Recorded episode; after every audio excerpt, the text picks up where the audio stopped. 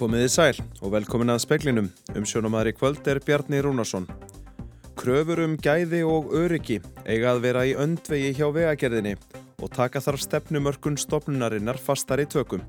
Þetta er meðal þess sem kemur fram í nýri skýslu ríkisendurskoðunar um vegagerðina.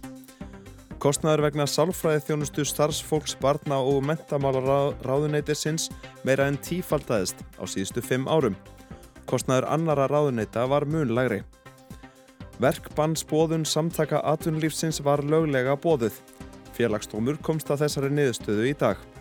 Niðurstaða úr atkvæðagreðslu um miðlunatilu ríkisáttasemjara ræðu því hvort að til verkbanns kemur eða ekki. Um þúsund stúlkur hafa verið fluttar á sjúkrahás senustu mánuði vegna grunns um eitrun í íraunskum skólum. Erki Klerkur landsins segir að taka þurfu málið alvarlega. Þeir sem beri ábyrð eigi ekkert annað skilið en döðarefsingu. Taka verður stefnumörkun vegagerðarinnar fastari tökum og kröfur um gæði og öryggi eiga að vera í öndvegi. Tryggja þarf virka notkun gæðastjórnunar kervis og að öryggistjórnun sé uppfærð reglulega. Þetta er meðal þess sem kemur fram í nýri skýslu ríkisendurskoðunar um vegagerðina. Alþingi samþykti fyrir tveimir árum skýslubeðinni frá ríkisendurskoðanda um úttekt á starfsemi vegagerðarinnar.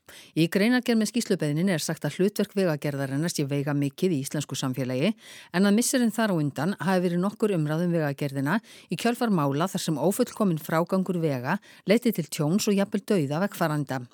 Skíslan var kynnt í stjórnskipunur og eftirleitsinum dalþingis í morgun og eru helstu niðurstöður þessar. Taka verði stefnumörkun vegagerðarinn að fastar í tökum og hafa kröfur um gæði og öryggi í öndvegi. Mikilvægt síðan vegagerðin eflir ástafanir sínar varandi öryggistjórnun með innleiðingu faggilts eftirleits með framkvæmdum. Tryggja verði rekenleika fjárhagsupplýsinga niður í tiltekin verk, fylgja þurfi eftir úrbótum á innri endurskoðun, forstur í vegagerðarinnar verði að hlúa starfsumhverfi innri endurskoðanda og sjá til þess að brugðist verði við ábendingum og niðurstöðum hennar. Tryggja þurfi virka notkun gæðastjórnunarkerfis og að þeir ferðlar sem varða öryggistjórnun séu virkri notkun, séu yfirfarnir og uppfærðir reglulega. Þá telur ríkisendurskoðun mikilvægt að vegagerðin fylgi stefnumótun sinni markvist eftir og haldi áfram að þróa hana í samræmi við góða og viðurkenda starfsætti. Jóhanna Veiti Sjalladóttir tók saman. Kostnaður vegna sálfræði þjónustu fyrir starfsfólk menta og barnamála ráðuneytisins sem áður var menta og menningamála ráðuneytið hefur meira en tífaldast síðustu fimm ár. Kostnaður annara ráðuneyta er mun minni. Helga Vala Helgadóttir, þingmaður samfylkingarinnar, lagði fyrri vetur fram fyrir spurnir til allra ráðherra ríkistjórnarinnar um viðbröð við vannvirðandi framkomu af hálfu ráðherra eða ráðuneyti og sálfræði þjónustu fyrir starfsmenn ráðuneyta á síðustu fimm árum. Í sögurum ásmundar eina staðasonar menta og barnamálaráðera kemur í ljós að kostnaður ráðuneytisins vegna sálfræði þjónustu starfsfólks jógst um meira en eina miljón frá árinu 2018 til 2022. Hann meira en tífaldaðist á þessum fimm árum.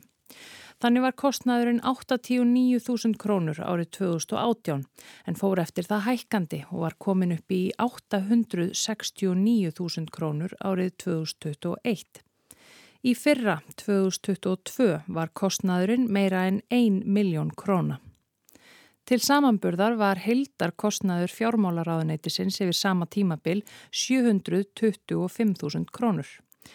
Lilja Alfredsdóttir var menta og menningamálaráðera og stjórnaði ráðuneytinu frá 2017 til 2021. Hún er nú menningar og viðskiptaráðera. Nokkrir þingmenn stjórnarandstöðuna sökuðu Lilju í síðustu viku um að nota uppstokkun stjórnaráðsins sem skálkaskjól fyrir upplýsingalind. Hún svaraði fyrir spurn Helgu völu ára aftur í tíman þar sem það ráðuneyti sem hún fer nú fyrir varð einungist til eftir síðustu kostningar. Helga Vala taldi hins vegar að henni bæri að svara út frá þeim málaflokkum sem herðu undir hana. Ásmundur einar áréttaði þá að hann svaraði fyrir ráðuneytið óháð málaflokkum. Gunnhildur Kjærólf Birgisdóttir tók saman. Verkbannsbóðun samtaka aturlífsins á félagsmenn eblingar var úrskurðuð lögleg í félagsdómi í dag. Alþjóðsambandi taldi að stjórn SA hafi verið óheimilt að taka ákvörðun um verkbann. Ólöglegt væri að allir félagsmenn SA hafi verið á kjörskrá, óháð því hvort þeir starfa á félagsvæði eblingar og að ójæmt atkvæða vægi félagsmanna SA í kostningunni eigi sér ekki lagastóð. Mikla líkur eru á að atkvæðagreislan falli miðlunatillugur í vil. Eins og áður hefur komið fram þyrti áður óséða þáttöku í atkvæðagreislinni til að félögum eblingar væri mögulegt að fella hana.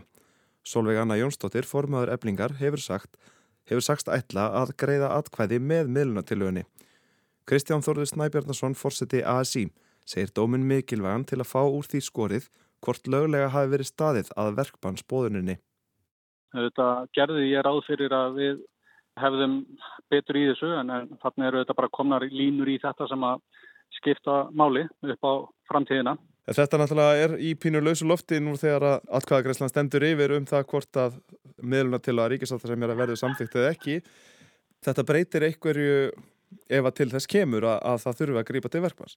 Já, í raun og veru ef að, að miðluna til að verðu fælt í allkvæðagreislum þá, þá mun mæntala verkmanni breyst á á þeim tíma sem það fresta til.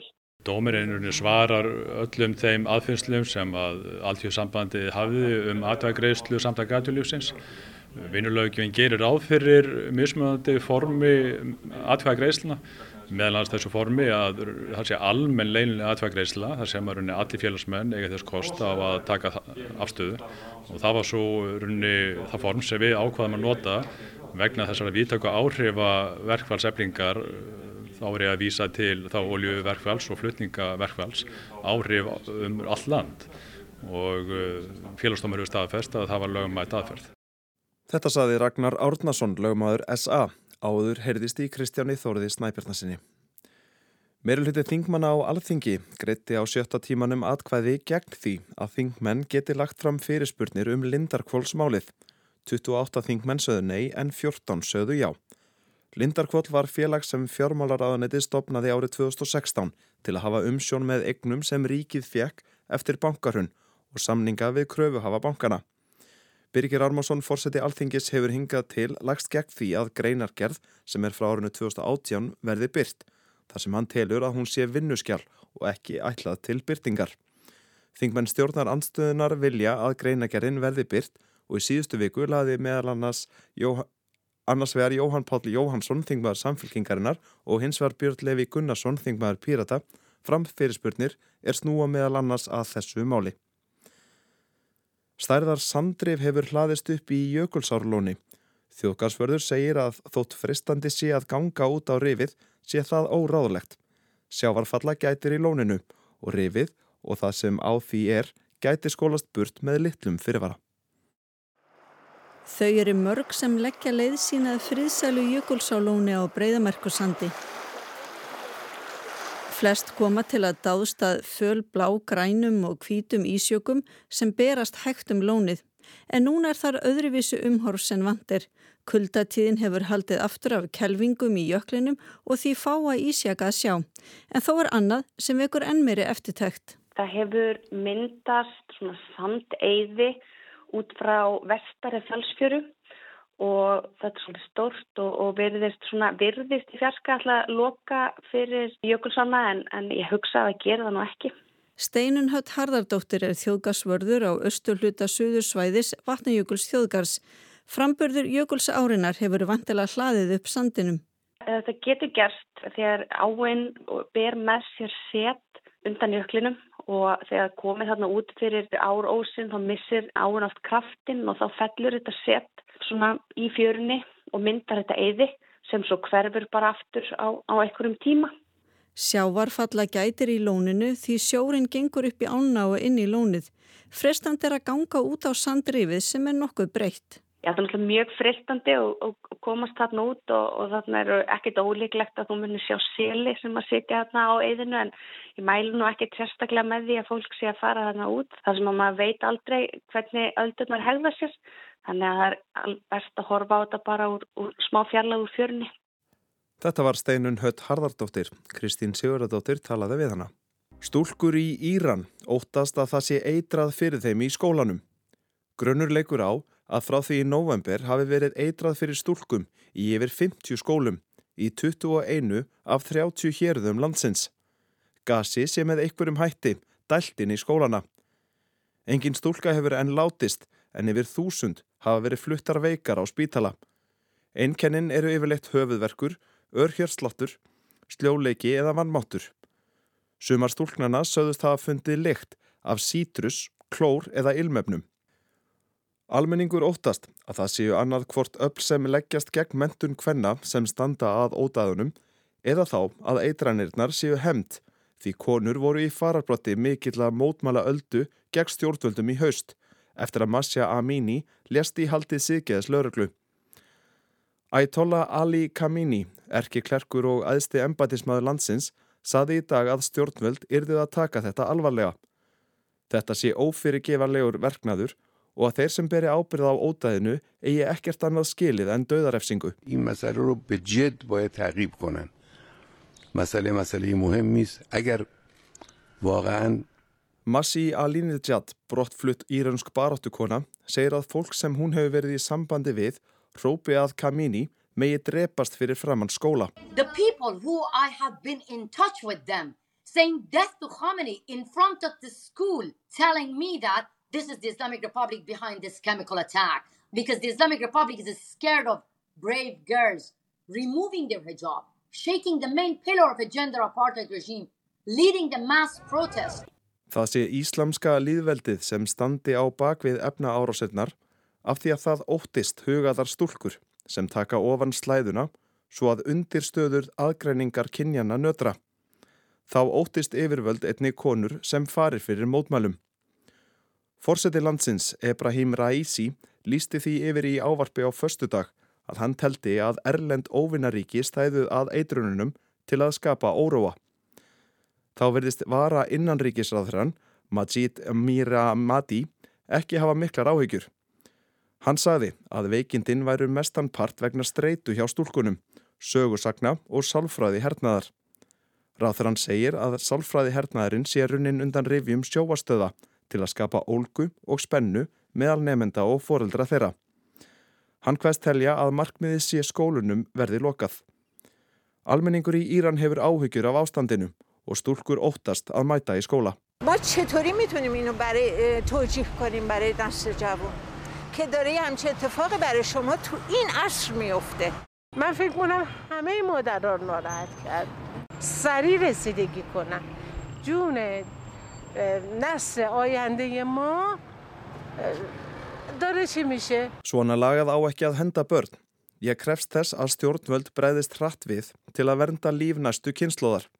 Allar mæður í Íran óttast um líf dætra sinna vegna eitranana, sögðu tvær konur í Íran í dag. Frá því að mótmæli brutist út í Íran í haust, eftir að Masja Amini lest í haldið siðgeðslaurglunar, hafa verið í gildi strángar reglur sem takmarka störf fjölmiðla í Íran og því hefur einst erfitt að fjalla um málið. Seinast í dag var bladamaður handtekinn en hann hefur fjallað um málið að undanförnu. Svipað mál kom upp í Afganistan á árunum 2009 til 2012 Samkvæmt alþjóða helbreyðismála stopnuninni voru einkenni svipuð hjá stúlkum sem urðu fyrir eitrun þá. Hundru stúlkna kvörtuðu undan skrítinni lykt en engar sannanir komum fram um eitrunina. Ekki er vitað hverji standað baki eða hvaða efnum er beitt í Íran nú en lauruglan rannsakar málið. Til margs er að líta þegar hinn er ólíku virkun og kostir eru vegnir og metnir og eitt af því er óhjákvæmilega arðsemi þeirra. Við mat á henni eru borðni saman ímsir þættir á borð við vænt afköst eða orku getu, stopn og rekstrakostnað og væntanlega tekjur. Einnig er leitast við að meta önnur bein hagræn áhrif svo sem vegna tengikostnaðar og áhrif á uppbyggingu megin flutningskerfis raforku og einnig vegna tekna af öðru en bytni orkusölu. Íslendingar búa að mikilli og langri reynslu af byggingu og rekstri vassaps og jarðvarmavirkjana sem nýtist vel við þessa vinnu. Lítil reynsla er hins vegar af vindorkuverum sem ætla mætti að torveldi matið á arðsemi þeirra. Pál Jensson, rekstrarverkfræðingur og fyrirverandi prófessor, fer fyrir sérfræðingahópi Ramma áallunar sem hefur það á sinni könnu. Það er kannski ekki eitt mjög mikill munur. Það er sem að fyrst og ennstu skilur að er að þann er ekki framleitt rávorku með stöðugum hætti. Þannig að ef uh, viðkomandi vindorkuver er að selja uh, og lofa stöður í, rávorku, þá þarf uh, verið að gera samning við einhvern annan um að dekka sig, ef svo múið segja, í, í lokni að koma þá inn og uh, þar er það fyrst og ennst vassafli sem getur komið og komið með þetta jöfnunar afl eins og það er kallað til að, að koma til mótstatna við vindorkuna þegar, að, þegar vindurinn blæs ekki. Eða þegar vindurinn blæs svo mikið? Eða þegar hann blæs svo mikið, nákvæmlega sko. Og það er tvær vindmjölu sem að landsvirkinn hefur ekki núna í nokkur ár uh, fyrir hann búrfell. Það er hafa bendið svona 42-43% nýtingu. Þannig að þetta er innan við sem sagt helming tímans í raun og veru sem að, sem að vindorkuveri er að framleiða. Það má líka reyndar hugsa sér að vindorkuverið hafi öðruvísi viðskiptafinni til dæmis eh, til vettnisframleyslu sem að geta þóla það þó að, að þeir þurfa að slökka framleyslunni við og við. Og er það eitthvað sem þið takið inn í ykkar allsefnis útrækning eða er það bara einhver óvissu þáttur sem þið getið alls ekki tekið inn? Þetta er ennþá mjög, á mjög mjög frumstíð. Það eru komnir, hvað er þetta ekki um það byrj 25 vindorku kostir, ef maður rétt, sem hafa komið til rammaállunar og enn er þetta ekki komið það langt að þessi ræðileg geti sagt til um það hverjum þeir eru að selja raforku. Þannig að það er aldrei óvisa um þennan þátt. Það má kannski bæta í við að þetta jöfnunarafli er ekkit vandamál til dæmis í Evrópu þegar hefur hingað til haft nóg af, af jarðefna elsneiti eins og gasi og þá er það einfallega, kúplar það, er því kúplað inn. En uh, það er bara eitthvað sem við samþykjum ekki hér á Íslandi. Og þeir hafa náttúrulega líka getið jafnan bara með því að sækja sér upp þá uh, til annar landa, svo er þeir allir samtengtir. Við erum einangrar, þannig að þetta, þetta lýsi svona daldi sérstuð okkar Íslendinga. Við gerum mikla kröfu til að vera með græna orku og við erum algjörlega einangruð. Eh, þriðja sérstæðan er kannski eh, súa við að starra gráðan 80% af ramagnu er selt til eh, stóriðunar sem að er þarf stöðu orku en er alltaf með jafna notkun. Þannig að þannig sé hefur náðust miklu hærra nýtingar hlutfall á, á vassaflinu hér á landi heldur en annar staðar þar að leiðandi er ekki mjög mikið afgangs, ef svo má segja, af þessu jöfnunar afli. Á nýlegum fundi landsverkjunum þá lístuði því að þeir alltaf sjálfur að reysa og eru búinir að fá leifi til að reysa tvö vindorkuver fyrir um búrfell og síðan við blönduvirkjun og þeir þurfa ákveðu jöfnunar afl fyrir þau vindorkuver og það er ekkit óskafalega mikið eftir.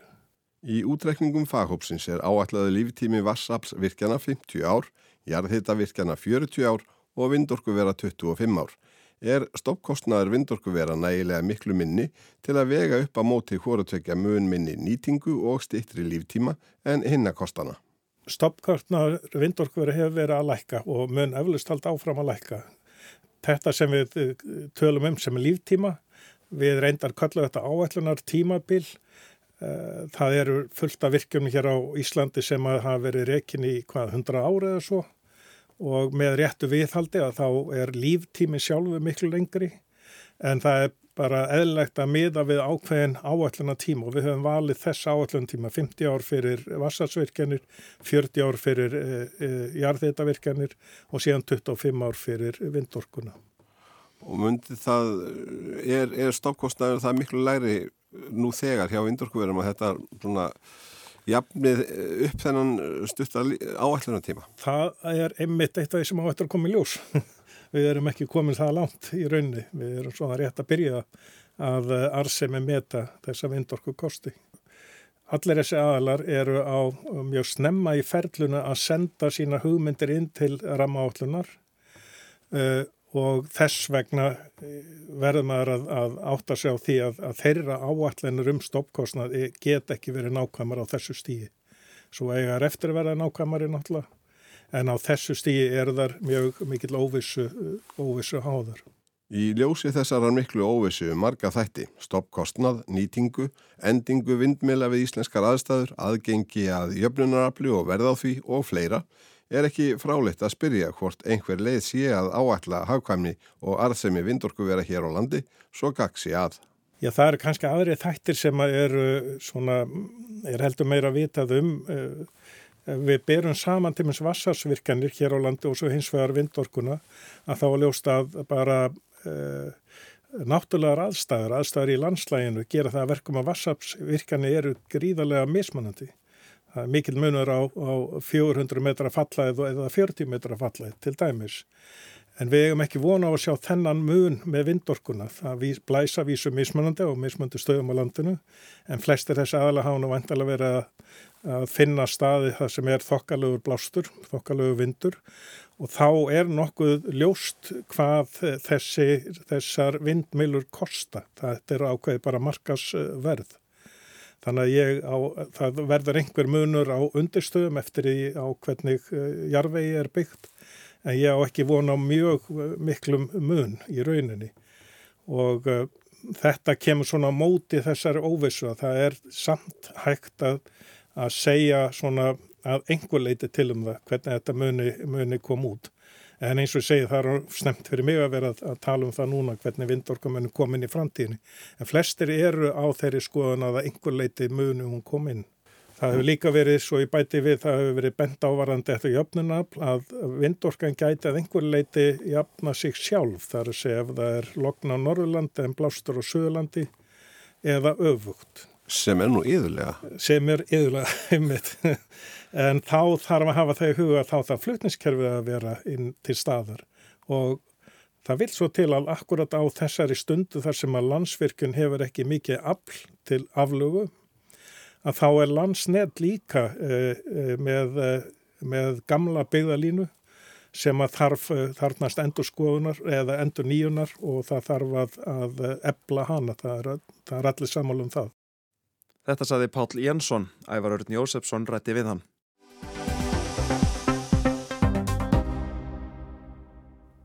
Það er ástand hjá yfirstjórn sænsku lauruglunar. Einn af aðstu yfirmönnum hennar fannst láti nýlega sama dag og mælt var með því á bladamannafundi að hann er því rekin úr embætti fyrir meint broti starfi. Ríkislauglustjórun er valtur í sessi. Mannustjóri lauglunar hefur séð sig knúin til að verja hendur sínar á ofinböru vettvangi og dónsmálaráþrann er sagaður um óæðileg afskipti af málunu. Speillin hefur áður fjallað um mengta áreitni, líkamsárás, umsáturs einelti og spillingu í æðstu lögum sænsku lauruglunar. Málið snýrist uppaflega um Mats Löving, lauruglustjóra og staðgengil ríkislauruglustjóra landsins og Lindu Staf sem er yfirmaður innan NOA, aðgerðatildar sænsku lauruglunar. Þau Löving og Staf áttu í sambandi um tíma en Löving réði hana í starf, útlutaði henni skotvopni, þvert á reglur og hækkaði hana í launum.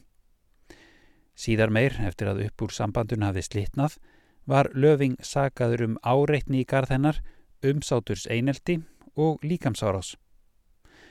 Löfing var kærður að minnstakosti tvísvar, bæði fyrir brotgagvart lindustaf og fyrir meinta spillingu.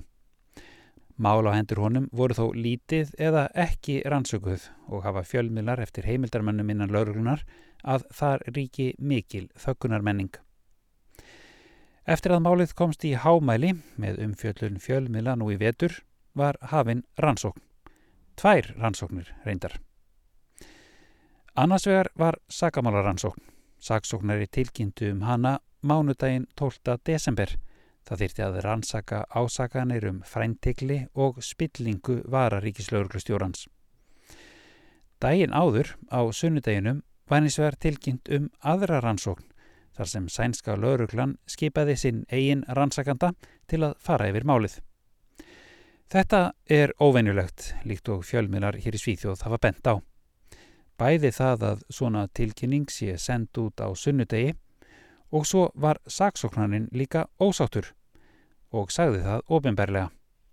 Það gangi ekki að vera með sakamálarannsókn í gangi og hefja svo líka einhverja aðra rannsókn á saman tíma. Sakamálarannsóknin eigi að hafa forgang. Niðurstöður úr innanhús rannsókn lauruglunar áttu uppaflega að liggja fyrir í lok april um fjórum mánuðum eftir að hún hófst. En svo gekk þetta rætt veriðst vera. Niðurstöðunar voru í staðin kynntar á bladamannafundi eftir aðeins tvo mánuði þann 22. februar. Och det gör ju därför att nu har jag konstaterat att eh, i alla fall i fyra fall så har han fattat beslut som han inte borde ha fattat på grund av jäv.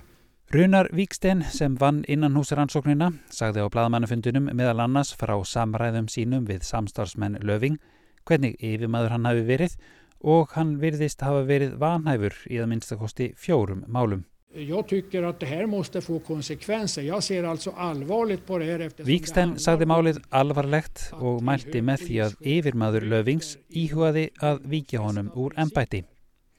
Yfirmaðurinn, ríkislauglustjórin Anders Tornberg, sagðist ætla að ræða við Löving, samtal sem yrði atvinnuréttarlegs eðlis eins og hann orðaði það sjálfur.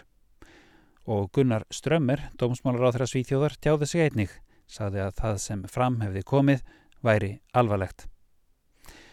Að kvöldi þessa sama dags fannst Mats Löving svo látin á heimili sínu. Saksóknæri lagði kjölfarið niður rannsókn sína á meintum brotum Lövings í starfi. Dauði hans kom fólki í opna skjöldu og margir sem syrðu hann. Undanfarnar daga hefur svo vaksið mjög gaggrinnin á það hvernig tekið var á máli Lövings sérstaklega að haldinn væri bladamannfundur til að kynna niðurstöður innan hús rannsóknar og setja fram ásakanir á hendumhrónum. Án þess að hann fengi færi á að verja sig eða væri varaður við. Hann hafi eiginlega verið rekinn í beitni útsendingu.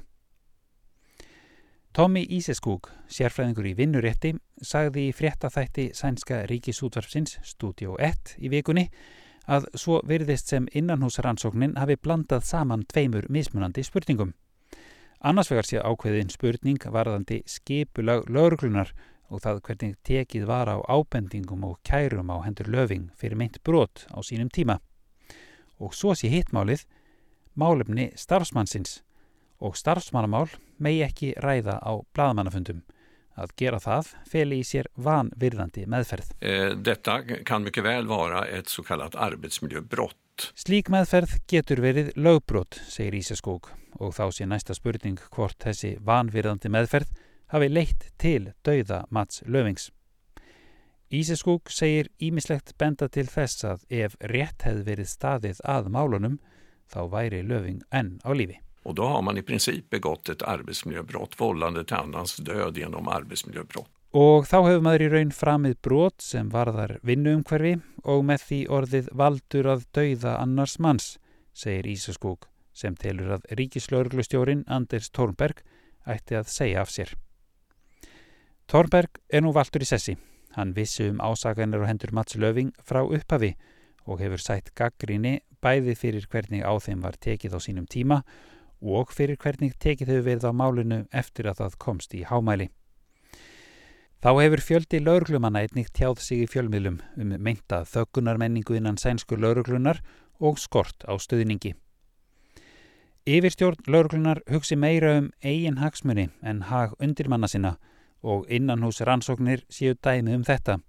Þegar yfirstjórnin sé gaggrínd ofinberlega sé oft gripi til þess ráðs að fyrirskipa rannsókn sem sé ekki góði leið til að fá hlutlega niðurstöðu en hendi hins vegar ágætlega til að komast hjá gaggrinni. Dagblæðið Expressen greindi svo nýlega frá því að ríkistjórnin hefði þrýst á ríkislauglustjóra um að mál Mats Lövings yrði leitt hratt til lykta og nú vakna spurningar hvort þrýstingurinn og hraðinn hafi leitt til mistaka. Þetta er Kári Gilvason sem talar frá Gautaborg. Og að lókum skulum við líta til veðurs. Norrlæg átt 5-15 metrar á sekundu kvassast austast. Dáli til jél norðaustanlands en annars víða bjartviðri. Það kvessir í fyrramálið, norðan og norðaustan 10 til 18 eftir hátegi. Kvassast suðaustanlands og á vestfjörðum. Jæljagangur um landi norðan og austanvert en annars úrkomi lítið. Frost 3 til 10 steg kaldast inn til landsins. Það er ekki fleira í speklinum í kvöld. Tæknimaður var Jón Þór Helgason. Frétta átsendingu stjórnaði Ingeborg Sara Guðmundsdóttir. Njóti kvöldsins og verðið sæl.